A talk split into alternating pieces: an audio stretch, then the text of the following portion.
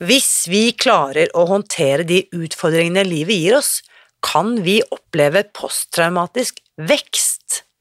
Det skal du få høre mer om i dag når Jannicke Wiel deler sin kunnskap om yogamagi.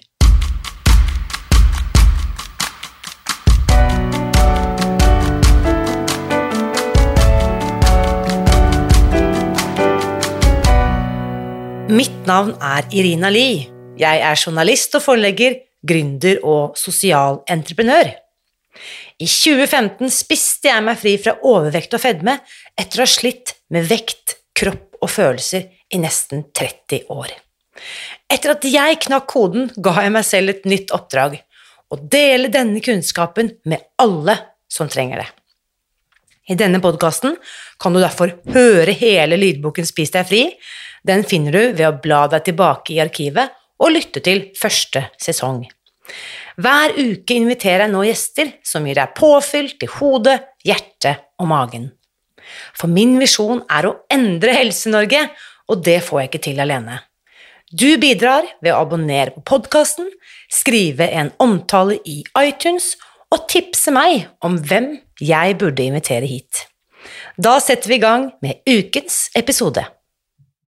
Yogalærer og forfatter Jannicke Wiel har vært gjest i podkasten tidligere. Det er ganske nøyaktig tre år siden, etter at hun ga ut den bitte lille og veldig viktige boken Hva er yoga? Den episoden den kan du høre ved å gå tilbake til episode 22, som du også finner ved å gå til spisdegfri.no 22. I dag er Jannicke tilbake for å fortelle om sin nyeste bok, Yoga magi, som hun har skrevet i samarbeid med Vibeke Klemetsen. Her er ukens gjest. Velkommen til podkasten, kjære Jannicke. Tusen takk, Irina. Kjempehyggelig å være her igjen. Ja, vi må faktisk si igjen, for du er jo en av de få gjestene vi har som har vært med tidligere. Og da, la oss bare ta et lite prøvde å tenke når var det? Det er i hvert fall Jeg lurer på om det var i januar Januar 2020 eh, var det. Ja, det er tre år siden, det. Nei! Tre år siden er det. ja, jeg har ikke vent meg til at det er 2023 her. ikke sant, for det mm. tenkte jeg. Så vi er jo da ikke sant? Nå er vi et stykke ut i januar når dette sendes eh, i podkasten, og du var med i januar 2020. Tre år siden sist, ja. Mm. Ja. Og den gang så hadde du skrevet en eh, liten bok om yoga som eh, jeg vet har betydd veldig mye for mange. Vi kan jo bare gi en liten smakebit, en liten recap av hva den boken var, sånn at folk vet at de må gå tilbake etterpå og lytte på denne episoden også. Fortell litt om den boken fra den gangen, den første boken du skrev, Jannike. Jannicke. Ja, Hva er yoga? heter den boken, og den ble utgitt på Universitetsforlaget. Eh, og da var det Universitetsforlaget som hadde kontaktet meg for de har en veldig fin serie som heter Hva er? Eh, hvor de får fagpersoner fra ulike miljøer til å skrive om hva er ledelse, eller hva er litteratur, eller hva er matematikk. Og så valgte de meg, som både er yogalærer og har eh, magistergrad i filosofi, til å skrive om hva er yoga. For da kunne jeg belyse både den filosofiske og historiske delen av yoga og den praktiske delen av yoga, som jeg kjenner godt både fra egen praksis og fra jobben min som, som yogalærer og som lærer på yogalærerutdannelse. Så det var veldig ærefylt å få lov til å um, utgi den boken i den serien. Den ble godt tatt imot, og mange har lest den. Og den er veldig liten og uunnselig. Eh, virkelig en kontrast til den boken som eh, vi nå kanskje skal snakke litt ja, mer om. Ja, ikke sant? Så eh, de som er nysgjerrige på den Hva er yoga-boken, og ikke minst Hva er yoga? Da anbefaler jeg å gå tilbake i arkivet til episode 22, som altså ble publisert for ganske nøyaktig, nesten på dagen tre år siden. Eh, som er en kjempegod innføring også i Jannicke sin historie, som jeg anbefaler alle å lytte til. Ok, fordi at én eh, bok fører gjerne til flere bøker, og har, nå har du, ikke alene denne gangen, da, men i samarbeid med Vibeke Klemetsen, begått en ny bok, Jannicke, som vi skal snakke i dag. Fortell om den.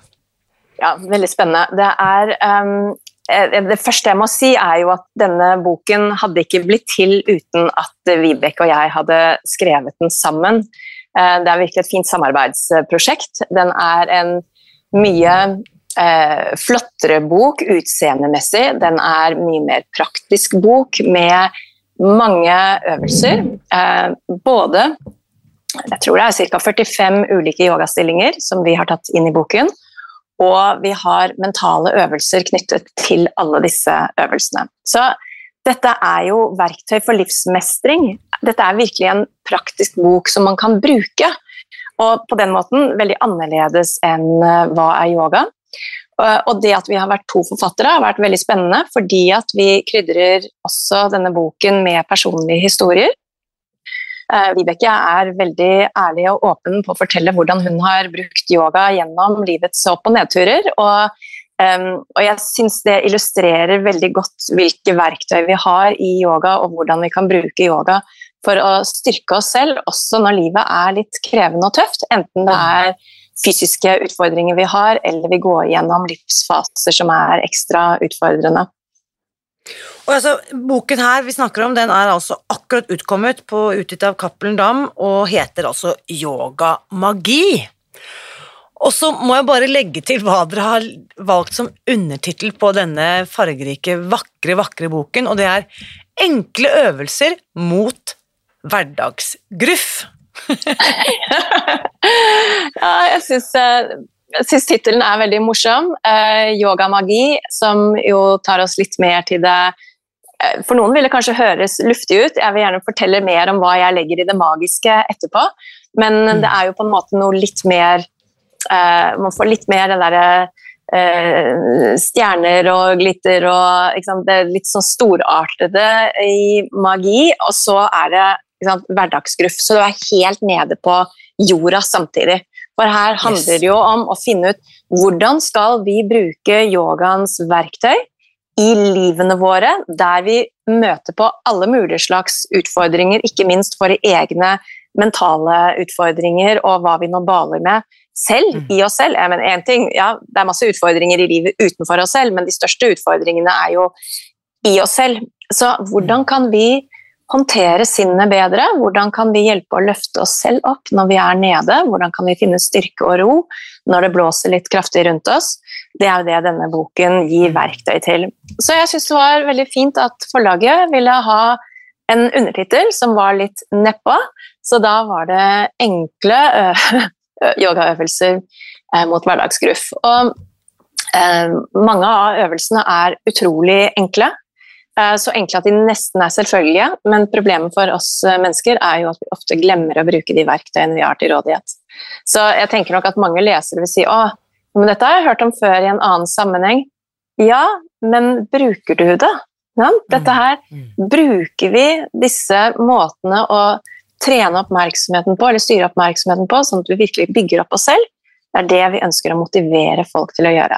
Og jeg er sikker på at det er mange øvelser som folk ikke har gjort før også, så det er ikke sånn at vi bare har samlet sammen øvelser fra andre steder. Men det er eh, virkelig anerkjente verktøy som kan påvirke sinnet. Mm. Og det må øh, Det her bare må liksom legge til. Og dette snakket jo litt om forrige gang vi snakket sammen på podkasten, og vi snakker sammen mye, vi to, Jannicke. Ikke så ofte at vi tar opp samtalene våre og kringkaster det til alle andre, men sist vi gjorde det, så snakket jeg også litt om hvordan vi to, hvordan du kom inn i livet mitt. Uh, ja, det er jo nå snart, det var i 2016, så det er vel 17 år siden da, da jeg på, begynte på gravidyoga. Uh, du husker nok ikke meg som din deltaker der på bakerste rad, men jeg husker veldig godt deg. Uh, og hvordan på en måte den gravidyogaen for meg ble en inngang til et pusterom, rett og slett, for meg, bokstavelig talt, i min egen hverdag. Uh, og det ble på en måte starten på min yogareise. Og da jeg tok yogalærerutdanningen, som nå snart er vel, ja, det er vel seks år siden, i 2017, da du også var en av mine hovedlærere. Men det som er så morsomt med denne boken, at til tross for at jeg har praktisert yoga da i 15-16-17 år, også undervist som yogalærer selv, så er det masse i denne boken. Jeg har aldri koblet det på den måten du og Vibeke har gjort.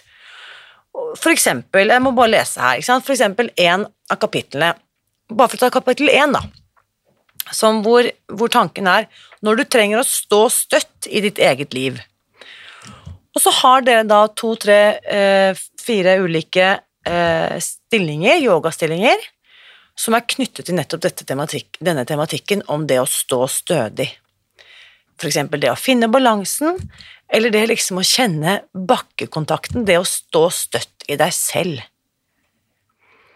Og det fikk meg til å tenke på at kanskje mange av oss overkompliserer ting. At vi tenker liksom at eh, hvis jeg skal gjøre endringer på innsiden, så må jeg gå på avanserte kurs, eller gjøre noe, eller reise til liksom Thailand for å være med på en retreat, men det er jo ikke sånn. Det holder faktisk at vi bare stopper opp og kjenner etter, eller der hvor vi sitter og er, da, akkurat her og nå, liksom. Det er morsomt du sier uh, at det kanskje ikke er nødvendig å måtte liksom, reise helt til et annet sted. Og jeg tror jo at veldig mange av disse verktøyene ble enda klarere og sterkere for meg under nedstengningen. For det var da vi ikke kunne gjøre noe som helst, og jeg så hvor mye mennesker slet. Det var da jeg tenkte hva kan vi gjøre i oss selv for å klare å, å stå støtt i oss selv? Når vi er i en verden som er så foranderlig, så uforutsigbar, hvor jeg begynte med å massere føttene, ta mer tid til å kjenne hvordan jeg sto, og instruere yoga på en annen måte. Mm. Så det var jo den krisen hvor vi plutselig ikke kunne leve livene våre sånn som vi hadde pleid å gjøre, som gjorde at jeg måtte bruke de verktøyene som vi hadde til rådighet, enda, um, enda klarere og på en mer virkningsfull måte. Mm. Så uh, Man snakker av og til om at folk kan lide under posttraumatisk stress, men hvis man klarer å håndtere de utfordringene vi står i, kan vi få posttraumatisk vekst. Og jeg ah, føler at denne boken, er eh, et, uh, denne boken er et resultat av en posttraumatisk vekst. Fordi det var i den ekstreme situasjonen som jo hele samfunnet var i, men som også jeg følte berørte meg veldig sterkt fordi jeg som yogalærer jo ikke kunne gå ut på jobb. Jeg sto i risiko for å miste inntekten min. Jeg hadde veldig mange kursdeltakere som var Eh, ble veldig psykisk belastet av det som skjedde. Hele samfunnet ble jo det, så det var ikke så spesielt. Men, men jeg tror de som slet litt fra før, eh, for dem ble det nok enda mer eh, aktiverende av stressrespons. Og at mer, flere folk fikk angst, depresjon, følte seg isolert.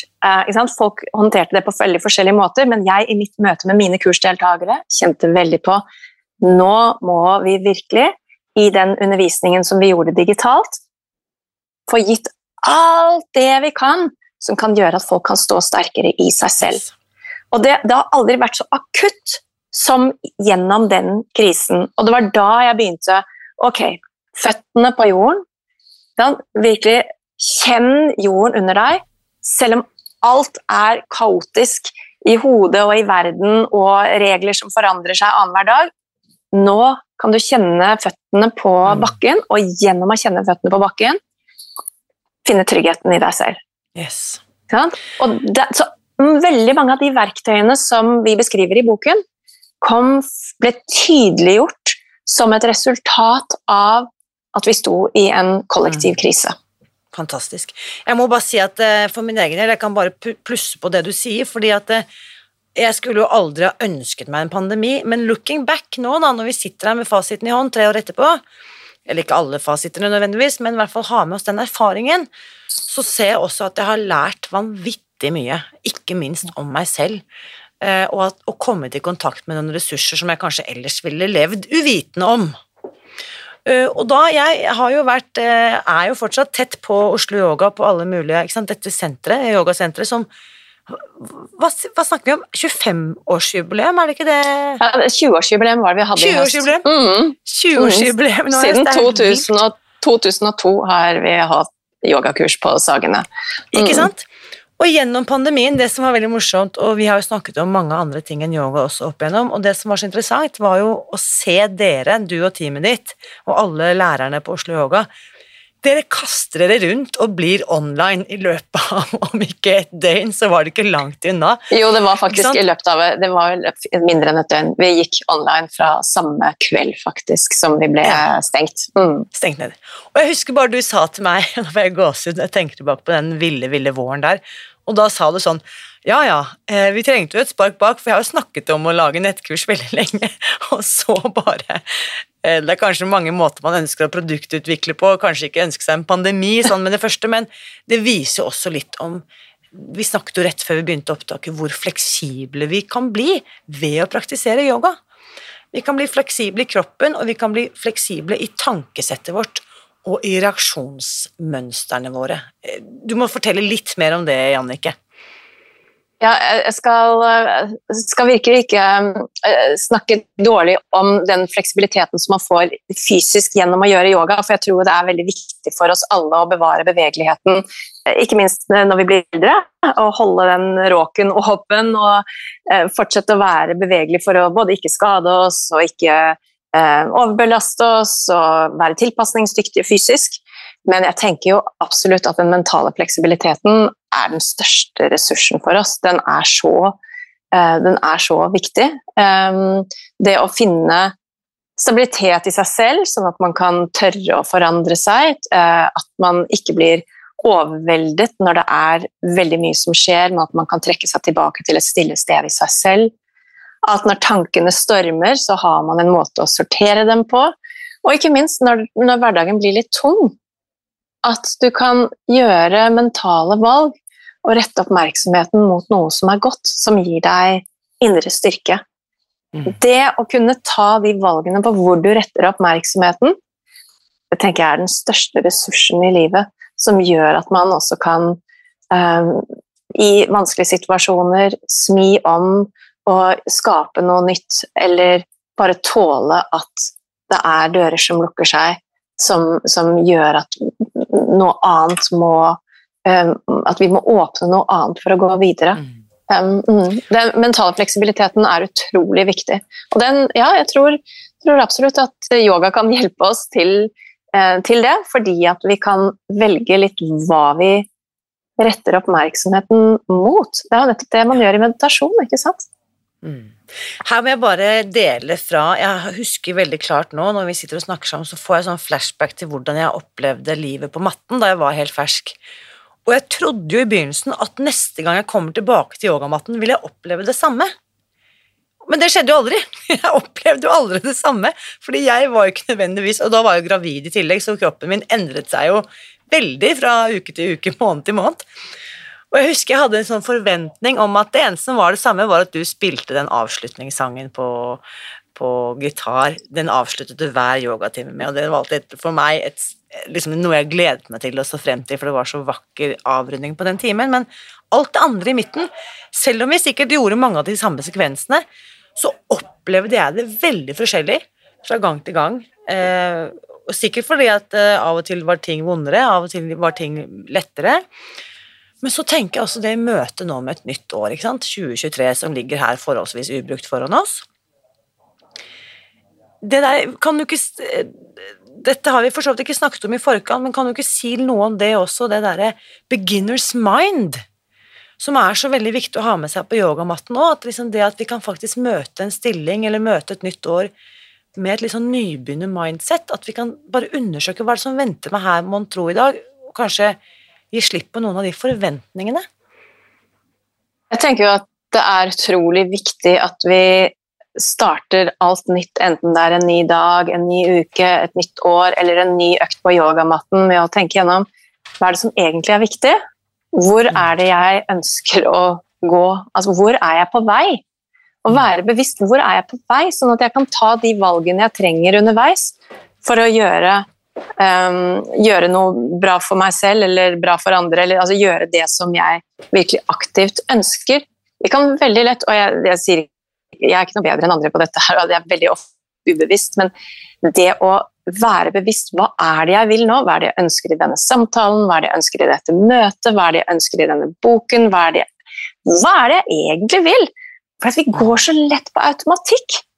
Um, og på yogamatten, ok, hvis man bare durer gjennom uten å tenke hva er det jeg skal gjøre for noe nå, nei.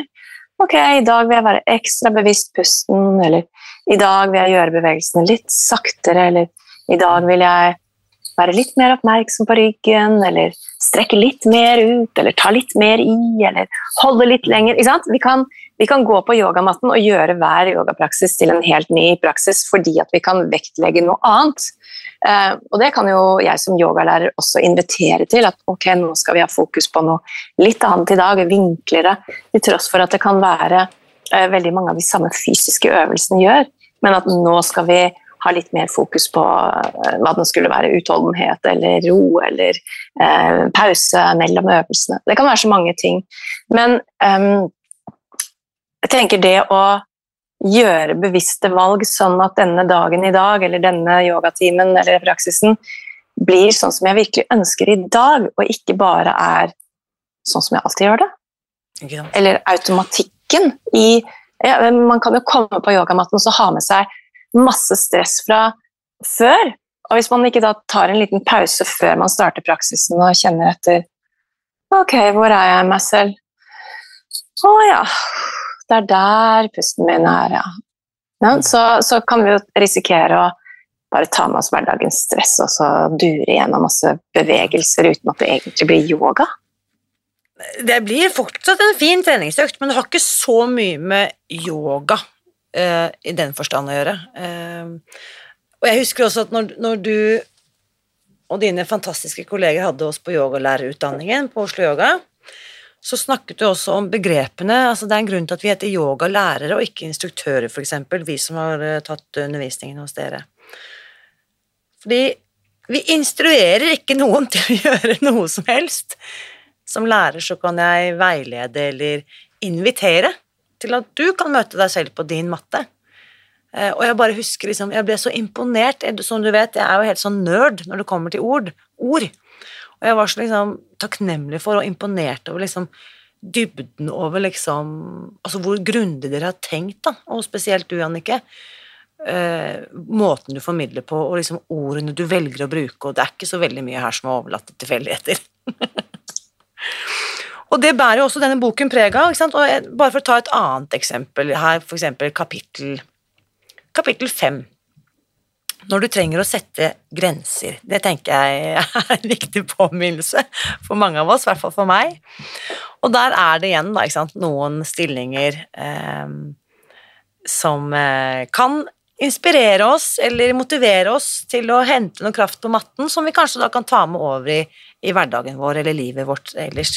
Kan du ikke si litt om de Her har du f.eks. valgt eh, en, jeg vil bare ta et eksempel her på siden 94. Brøl ut all guffe. Det er den såkalte løvestillingen. Kan du ikke bare gi en liten intro til løvestillingen til de som ikke har vært borte? ja, løvestillingen er kanskje det minst flatterende bildet i hele boken, akkurat uh, det der. Vi uh, hadde en lang dragkamp om hvem som skulle få lov til å posere i den stillingen der. Uh, det var meg som vant den dragkampen. Jeg fikk lov til å posere for løvebrølet. Um, den handler jo om å brøle. Man strekker tungen ut, man sperrer øynene opp, man strekker ut fingrene som klør, og så samtidig som man brøler. Uh, si, det var litt morsomt, Vi hadde en nordlending som gikk på uh, yogalærerutdannelsen for et par år siden, og så skulle vi gjøre den i, i gruppen. Og hun sa hva, hva er det med dere søringer? Dere kan jo ikke brøle. Og hun eh, demonstrerte da, et skikkelig eh, Vadsø-brøl. Um, men det er å virkelig tømme seg selv, og jeg må si at sånn, ofte når vi gjør det i yogatimer, så er vi jo ganske forsiktige. Alle folk er litt sånn tilbakeholdte og høflige, men det å av og til virkelig få lov til å brøle ut alt det som man bærer på, som man har inni seg, kan være utrolig frigjørende. Uh, så her handler det om å sette lyd og stemme på en bevegelse hvor man kaster seg framover og strekker tungen ut, og, og i dette brølet kan lette litt på det indre trykket. Mm. Og bare for å liksom ta det enda et hakk videre, bare det å strekke ut tungen, altså ned og ut så langt du kan, så på en måte er du faktisk med på liksom å massere disse musklene bakerst i svelget vårt og kjeven, ting som vi vanligvis veldig sjelden får kontakt med, hvor masse ting kan sette seg. Ved å sperre øynene opp nå, så aktiverer du masse muskler i ansiktet som du kanskje heller ikke nødvendigvis i et moderert, eh, høflig samfunn nødvendigvis ofte er i kontakt med. Og så kan vi bare fortsette ved å brøle liksom, hvordan du aktiverer diafragma og liksom virkelig få liksom, aktivert store deler av overkroppen. Mm. Og så disse, disse her løveklørne. Strekke på ledd og armer og fingre og liksom eh, og, og det er kanskje den største hindringen for noen, å bare tørre å gjøre det. Ja, absolutt. Absolutt. Men vi, vi, jeg tror vi sitter med så mange spenninger i kroppen. Én eh, ting er de spenningene vi får i kroppen fordi at vi gjør for mye og gjør ting feil, men jeg tror det er veldig mye spenninger i kroppen som kommer av at vi lar være å gjøre noe. At vi holder ting igjen, at vi ikke sier fra, at vi ikke setter grensen, at vi ikke sier nei, at vi ikke sier stopp. Og det å Um, det, det, var jo først og fremst liksom å, å, å skinne litt lys på det tematisk fordi at ja, så er alt veldig pent og stille, og i yoga så er alt så fredfullt. og man, liksom, Det er jo mye sånn harmoniserende eh, tanker omkring yoga. og For meg var det litt viktig å løfte fram viktigheten av å si nei og si stopp også. Og at det kan være frigjørende både på kroppen og sinnet. At vi får, får frigjort noen av de spenningene av alt det tilbakeholdte. Um, mm. Jeg opplever denne boken som utrolig godt tilrettelagt for nybegynnere, eller det vil si de som kanskje aldri har praktisert yoga før. Og til sånne som meg, som faktisk underviser andre i yoga, som kanskje er yogalærere, eller kanskje de tok en utdannelse i Thailand for fem år siden, eller hva vet jeg, som trenger litt ideer eller påfyll til sekvensering og hvordan man kan presentere ting på lettfattelig måte. Og hvem har, dere, hvem har du og Vibeke tenkt her som publikum for denne boken? Hvem er den for? Ja, Det er et godt spørsmål, for jeg tenker den favner veldig bredt. Eh, Jeg tenker at den er for yogautøvere som har lyst på litt mer påfyll og berike yogapraksisen sin og kunne se litt flere dimensjoner av de fysiske stillingene som de kanskje praktiserer, men som de ikke har så nært forhold til. At de ser hva kan jeg tenke på når jeg er i denne stillingen, hvordan kan jeg bruke denne stillingen til å være litt ekstra god mot meg selv, eller til å åpne opp noe annet. Men jeg tenker eh, altså Selvfølgelig, som du sier, nybegynnere og yogalærere. det Det, de ytterpunktene innenfor folk som praktiserer eller er nysgjerrig på yoga. Men jeg tenker jo også at den er en selvutviklingsbok. Eh, Og jeg skal ikke si at den har veldig mye tyngde i den forstand at vi går så grundig inn i hvert eget tema, for den er veldig lettlest, og den berører alle temaene ganske kort. Men samtidig så tenker jeg at her er det verktøy for alle mennesker. Vi trenger ikke engang å praktisere noe fysisk yoga, for her er det så mange mentale øvelser som alle har godt av å gjøre. Det kan handle om å gjøre en affirmasjon, se på deg selv i speilet om morgenen og si 'du er bra nok'. En sånn type øvelse som jo ikke har noe å gjøre med at du trenger å rulle ut en yogamatte eller, eh, eller eh, ha noen avansert fysisk praksis eller gjøre noe med kroppen i det hele tatt. Det handler om hva, hvordan snakker du til deg selv, hvordan støtter du deg selv. Personlig så er jo den, den viktigste yogaøvelsen for meg er takknemlighetspraksis. Og det er noe som jeg gjør sittende i sengen om morgenen, sittende ved, i en samtale med en annen person, Mm. eh, ligger i sengen om kvelden, eller når jeg sitter på yogamatten. Altså, Det kan være når som helst, men bare det Hva er det jeg er takknemlig for i livet mitt? Mm. Å ja. Å, det kjennes så godt å tenke på det som jeg er takknemlig for. Og idet jeg tenker på noe jeg er takknemlig for, det så mye av tyngden som faller bort. Så mye av det som er vanskelig, som kommer ut i periferien av oppmerksomheten. Mm. Jeg kjenner meg oppløftet, og noe åpner seg i hjertet, noe blir litt varmere. Altså Det er fysiske forandringer som skjer i kroppen samtidig. Så det påvirker kropp og sinn, og det gir oss et videre utsyn og mer kraft i livet. Og det er for meg den viktigste yogaøvelsen. Så da trenger du ikke noe yogamatte eller kropp for å gjøre noe som helst. Du kan gjøre det i en rullestol. Jeg elsker den påminnelsen, og det som også er eh, nå har, Jeg skal innrømme at eh, jeg har ikke fått gjort alle, verken alle øvelsene eller alle, eh, alle forslagene dere har i denne boken, for den er veldig Den tilsynelatende lettlest, men det er mye dybde her. Som, la meg bare ta ett eksempel på side 31, eh, som handler om dette kapitlet i forhold til å finne balanse. Eh, så vi er fortsatt i kapittel 1, men her står det altså på side 31 dette med å være trygg og stø når du møter utfordringer. Og her har dere skrevet en, lagt ved en refleksjonsoppgave som handler om uh, å bli litt bedre kjent med hva slags strategier jeg bruker når jeg møter utfordringer. Og kan jeg bare spørre meg selv um, Hva gjør du når du blir ivrig? Hvordan kjennes kroppen? Og det er jo bare et sånn kjempegodt eksempel på å her, okay, her, kan jeg bare bli nysgjerrig på hvordan jeg faktisk agerer i ulike situasjoner. Eller neste spørsmål hvordan overvinner du frykt? Blir du fandenivoldsk? Går du inn i konkurranse og prestasjon? Hiver du deg uti det, eller stivner du? Og alle disse eksemplene dere nevner her, er jo åpenbart helt sikkert noe mange som kan kjenne seg igjen i. Og da fikk det meg til å tenke på at veldig mye av tiden vår går jeg jo bare på autopilot. Jeg har jo ikke noe bevissthet rundt disse tingene. Så øh, hva tenker du kan være verdien av å bli mer bevisst på hvordan vi reagerer, eller hvilke strategier vi har for å møte utfordringer? Hva kan være verdien av det? Jeg tenker det er mange verdier i det. Ehm, så det å komme ut av automatikken er jo det viktigste. Også se hvor betinget vi er av mønstrene våre. Og jeg tror jo så lenge jeg er i et mønster og tenker men sånn må det jo være eh, For det tenker man jo ofte når man er i et mønster. Men, men selvsagt så reagerer jeg på denne måten her. Men når jeg tenker nei, jeg kunne kanskje valgt å gjøre det på en annen måte. Og der er det en annen person som reagerer på en helt annen måte. Kunne jeg reagert på den måten? Nei, jeg kunne kanskje ikke det, men jeg trenger kanskje ikke å være helt i mitt eget mønster. Men når vi begynner å ta stilling til å vurdere mønstrene våre, vurdere reaksjonene våre, når vi begynner å observere oss selv litt på avstand, bare å få den lille distansen gjør jo at vi får en frihet. Det er jo først når vi ser at jeg har et valg, at jeg kan gjøre noe annet, det er da jeg kommer ut av det slaviske. For så lenge vi ikke er bevisst, så er vi jo slaver av mønstrene våre. Eh, jeg ser for min egen del også hvor mye jeg kan rettferdiggjøre mitt mønster. Eh, men jeg hadde jo ikke trengt å være mitt mønster i det hele tatt. Og hvis jeg har lyst til å utvikle meg og ikke eh, gå med de samme eh, tingene som enten ødelegger for meg selv eller ødelegger for andre, eller som ikke er hensiktsmessige. Da må jeg først få den lille distansen til eh, mønstrene mine, for så å eh, gjøre et bevisst valg. Mm.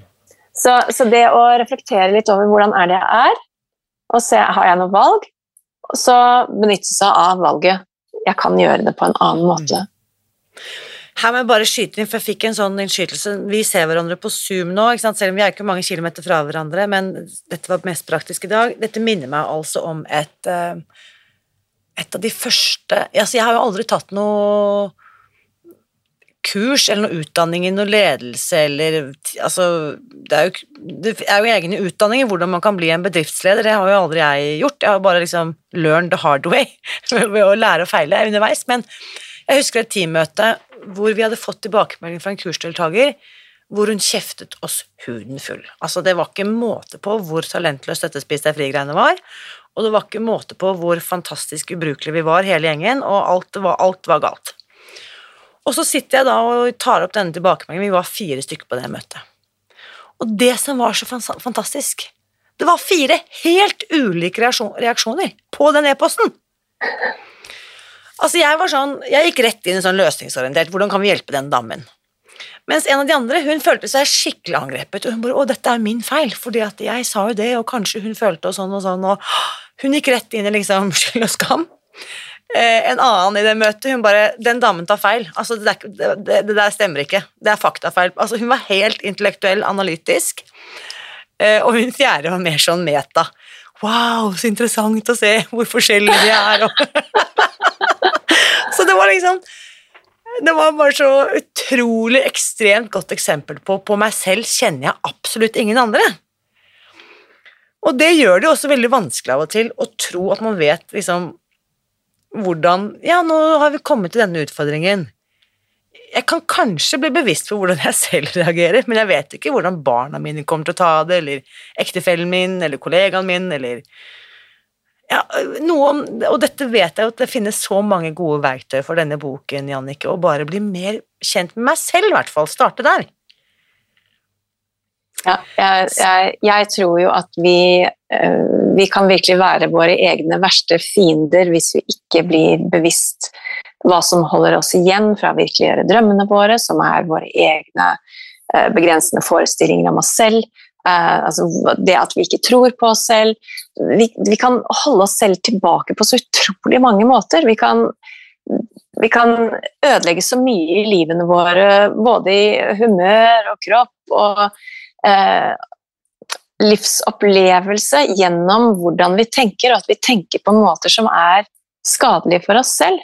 Så jeg ønsker virkelig med denne boken å hjelpe å for, gi folk verktøy til at de kan bli mer bevisst, men også at de kan vite hvordan de kan løfte seg selv. Og nå vil jeg gjerne si dette med yoga-magi, eh, fordi ja. det er jo nettopp dette som er det magiske som vi opplever når vi kan transformere noe, når vi kan forvandle noe, ja, når vi kan gjøre ting på en annen måte, når vi kan reagere på en annen måte, når vi kan tenke noe og gjøre at kroppen forandrer seg, eller sinnstilstanden forandrer seg. Men det, det er jo helt Det er jo virkelig magisk. Det er jo alkemi. Altså, men ok, forvandle Hva var det Å gjøre jern til gull, eller stein til gull. Sikkert fint med gull, men det, det, virkelige gullet er jo i vår egen indre opplevelse. Så hvordan kan jeg få den gylne opplevelsen i meg selv? Yes. Så verdifullt. Det er helt rått. Jeg er så glad for at dere har eh, ja, produsert, prestert, øh, praktisert denne boken ut og satt, manifestert boken sånn at den er nå tilgjengelig, denne kunnskapen, hvor vi på en måte får muligheten til å bare hacke bitte litt inn i de kloke hodene til deg og Vibeke, sånn at vi på en måte kan lære hvordan vi kan applisere dette.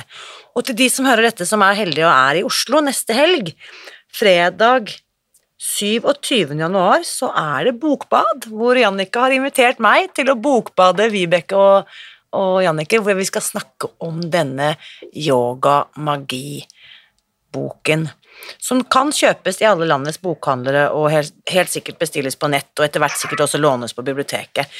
Jeg vet at den har blitt kjøpt inn, eh, Jannicke, og jeg vet ikke, jeg er jo ganske godt inne i forlagsbransjen. Denne boken har blitt kjøpt inn av alle bokhandlerne på nasjonalt nivå, og det er en kjempebragd. Gratulerer! Ja, tusen takk. Vi var så utrolig glade at vi fikk høre at både Ark og vil selge dette over hele landet, og det er kjempegøy. Og det viste seg jo, det var ikke jeg klar over da vi tok kontakt med Cappelen Dam, at eh, det faktisk var en etterspørsel etter en ny norsk yogabok. Eh, det har ikke kommet en norsk yogabok på et par år, eh, eller flere år kanskje. Så det var noe som bokhandlere hadde ønsket seg. Så Derfor så tok de inn på både Ark og Nordli, og eh, allerede før jul så ble 1100 eksemplarer kjøpt eh, og sendt ut til bokhandler Eller det ble jo ikke sendt ut før boken var ferdig trykket, men ble bestilt til alle landets yes. bokhandler. Og det er utrolig gøy å få være tilgjengelig over hele landet. Og som sier, man kan bestille den også i eh, nettbutikken til Nordli. Ja. Og så bare kom da til, eh, til um, Oslo Yoga på Sagen også, da neste helg. Det er Vi må bare avslutningsvis vi må snakke litt om yogafestivalen, for det er jo ikke det er ikke en hvilken som helst festival. Jeg har jo vært med der både som eh, yogalærer og frivillig ved flere anledninger, fortell, og deltaker, ikke minst. Flest ganger som deltaker. Uh, ivrig yoganerd som bare går og får meg masse smakebiter av alt det spennende. Ja, men du har til og med hatt Spis deg fri og, uh, og yoga på yogafestivalen et år. For det som jo er litt spesielt på yogafestivalen, er at vi ofte kombinerer yoga med litt forskjellige andre ting, sånn at vi får litt andre vinklinger på yogaundervisningen enn det som man får på vanlige klasser. Det er jo det som gjør det så spennende å komme på yogafestivalen, at der gjør yogalærere også noe annet enn det de gjør andre steder. Eh, så i år på yogafestivalen skal det være mer yoga og poesi, yoga og musikk. Um, Vibeke og jeg har jo da en yoga magisk workshop, uh, i tillegg til Bokbadet, som vi er veldig glad for at du skal lede for oss. Eh, det blir kjempegøy. Eh, det er eh, yin-yoga med berøring. Man får noen sånn kraniosakral berøring sammen med yin-yogaen. Det er mye spesielle og mm. interessante vinklinger på yogaen og spennende foredrag. Også noen gratisforedrag som um, som man kan komme på. Og uh, vi har da allerede hatt yogafestival på Zoom siden begynnelsen av januar. Uh, som fortsetter fram til den fysiske festivalen, sånn at folk fra hele landet har kunnet delta på, på Zoom. og det er jo veldig fint at man ikke må være i Oslo nødvendigvis for å kunne være med. Godt poeng. Det er veldig godt, det var bra du sa, for det skulle jeg til å si at dette er en konsekvens av at dere nå er all over online. Det er jo også at uh, Vadsø-boere som hører dette, kan faktisk melde seg på yogakurs med deg.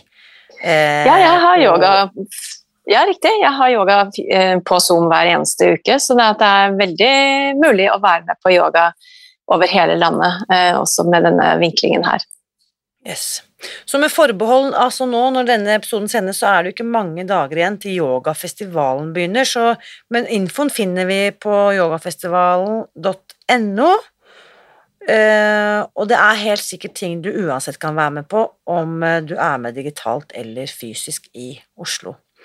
Så ja, her er det bare å Dette er en skikkelig buffé, altså, uh, av gode ting. Og så kan vi jo også legge til at Eh, ingen av lærerne som deltar og stiller opp her, får betalt. Alle inntektene går uavkortet til eh, Altså alt festivaloverskuddet, for å være helt presis, det går til eh, det hjelpeprosjektet som du har samarbeidet med i mange, mange år. Jannike, fortell litt mer om det. Ja, det er en slumskole i Bangalore i Sør-India. en skole der hvor det kommer mange barn som ikke har gått noe særlig på skole tidligere, og som får Eh, undervisningen tilpasset der de er. Det er litt sånn Montessori-opplegg på denne skolen, eh, og det er viktig, for barna har kanskje ikke gått på skole før, eller kanskje gått på skole i en annen by, så har de kommet inn til slummen, og så plutselig så, så har de ikke noe fast skole, men i hvert fall de får da tilbud om skolegang. Jeg har veldig tro på undervisning og skole som en måte å hjelpe fattige til å bli mer få mer Eh, påvirkningskraft over eget liv. Eh, så det at vi får gitt utdannelse til barn, er veldig viktig. Eh, for meg så Siden yogaen kommer fra India, så var det viktig å velge et hjelpeprosjekt som var i India. Så må vi gi noe tilbake til den kulturen som vi har fått yoga fra. Og for yogalærerne er det også en veldig fin anledning til å gjøre noe for andre. Um, og at ikke det er noen som sitter og tjener penger på den undervisningen som blir gjort på yogafestivalen. De pengene går til barna. Fantastisk. Det er ja, igjen gåsehud moment. Det er bare Og den har jo også har den festivalen vart like lenge som Oslo Yoga har eksistert, eller er det Et, Noen få år uh, mindre. Jeg tror jeg hadde den første yogafestivalen i 2005. Ja. Så vi nærmer oss 20-årsjubileum her også, der vi får ja. ønske ut noe storslått, Jannicke, til 2025-årsjubileet. Eh, altså 20-årsjubileet i 2025. Eh, jeg hadde egentlig bare lyst til å Du har vært inne på det allerede, men jeg tenkte på det når, du, når vi snakket om hvor fleksible vi måtte brått bli da pandemien kom og tok oss alle mann. Eh, og det jeg klamret meg til, det var to ting. Det ene var pust, og det andre var takknemlighet. Eh, og du har vært inne litt på den takknemlighetspraksisen allerede, og jeg hadde bare lyst til å legge til, fordi du sier at du kan praktisere det sittende i sengen om morgenen, eller egentlig hvor du måtte være, sammen med hvem som helst, eller på matten din. Og det jeg syns er så fantastisk med takknemlighet, er jo at vi kan ikke ha mer enn én tanke i hodet på en gang. Det går ikke. Så da kan vi når som helst velge å vende tilbake til takknemlighet. Så jeg hadde bare lyst til å invitere alle som lytter nå, og bare kjenne etter hva er du takknemlig for etter å ha hørt denne samtalen med Jannik i dag. Og så går du over i Facebook-gruppen eh, Spis deg fri, hvor denne podkasten også ligger eh, promotert og publisert, og så skriver du i kommentarfeltet på dette innlegget hva du er takknemlig for. Eh, og så vil jeg invitere deg, Jannicke, her og nå når dette spilles inn, Ehm, det er en mandag ettermiddag. Hva er du takknemlig for akkurat i dag? Akkurat nå er jeg utrolig takknemlig for denne fine samtalen, Irina. Det er så inspirerende å snakke med deg. Jeg er så glad for å få vært her og fått dele dette. Og, um, jeg har hatt en uh, veldig travel dag og ting som har vært både kaotiske og ubehagelige og ganske utfordrende. Og så er alt det helt borte nå i denne lommen av denne timen som vi sitter i, som er så varm og god at vi har fått lov til å ha en så inspirerende samtale. Det kjenner jeg meg veldig takknemlig for. Og så er jeg veldig takknemlig for at jeg har bevisste mennesker omkring meg i livet mitt som er med på å støtte meg til å ta gode valg og utvikle meg uh, videre. At jeg får muligheten til å um, gjøre en innsats i meg selv for å bli en bedre utgave av meg selv. Det er jeg takknemlig for. Oh, ja, det er amen to that, som amerikanere sier. og jeg må bare si takk til samme, Jannicke, at det er et privilegium. Altså, du har lært meg så mye, og jeg er så takknemlig for å på en måte ha deg i livet mitt. At jeg, alt det du har lært meg, og ikke minst gått foran og vist vei, det er jeg supertakknemlig for. Og så er det et eller annet med det at det, skal ikke så mye til, og jeg er så glad for den påminnelsen du har gitt meg i dag om at kanskje jeg bare trenger å stoppe opp og kjenne kontakt med bakken under føttene mine, og vite at mm størrelse 39 på begge føtter er nok til å stå stødig i mitt eget liv. Så tusen, tusen takk for denne verdifulle samtalen. Og tusen takk, Irina. Ja, og jeg ønsker for alle lytterne som nå skriver sin takknemlige setning, også at dere kjenner i kroppen hvor den takknemligheten lever i kroppen. Sånn som Irina nå nettopp sa, kjenne bakken under føttene. Dette er ikke en intellektuell øvelse, verken takknemlighet eller det å eh, tenke på bakken, men virkelig kjenne det i kroppen. For det er gjennom forankringen vår til kroppen, at vi er i kroppen, når vi kjenner det vi kjenner, det er gjennom det at vi virkelig kan transformere noe. Fantastisk. Jeg samler hendene i Anjali Modra foran hjertet, som vi sier i yogarom, og så sier jeg namaste, Jannicke. Namaste, Irina. Tusen takk for samtalen. Tusen takk til alle som har lyttet. Nå lurer jeg på, hva tenker du etter å ha hørt min samtale med Jannik i dag? Bli med inn i den åpne Facebook-gruppen Spis deg fri, og del dine tanker. Det viktigste jeg selv har lært av yogaen, det må være at bitte små skritt i riktig retning kan ta meg veldig langt hvis jeg bare fortsetter å gå. Og kanskje har du det også sånn at du har hørt om Spis deg fri for lenge siden, men av en eller annen grunn så klarer du ikke å starte, eller du har i hvert fall ikke fått det til foreløpig. I så fall vil jeg gjerne hjelpe deg med å komme i gang, til å ta det aller første skrittet. Mitt beste tips til deg da vil være at du tester ut vårt nettbaserte startkurs.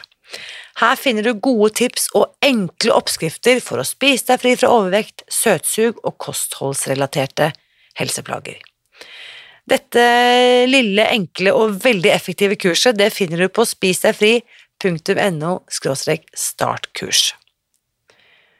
På dette kurset så lærer jeg deg hvordan vi tenker om de ulike matvarene, hvor mye du skal spise i forhold til protein, grønnsaker, korn, fett og frukt, og så gir jeg deg også gode tips for å planlegge og gjennomføre handleturen, pluss oppskrifter, så klart, både til frokost, lunsj og middag. Og i dette kurset, som du altså finner ved å logge deg inn på spisdegfri.no startkurs, vil du også få med en eh, ekstra bonus som du får nytte av hele året rundt. Det er en liten bonusvideo med Susan Pearce Thompson, forfatteren av boken Spis deg fri, der hun viser deg hvordan hun navigerer seg gjennom et måltid på restaurant, og hun deler også sine beste tips underveis. Alt dette finner du altså i vårt nettbaserte startkurs, som er tilgjengelig hele året rundt på spisdegfri.no startkurs. Og uansett hvordan du velger å ta vare på deg selv mens vi venter på våren, så vit at jeg heier på deg. Alltid!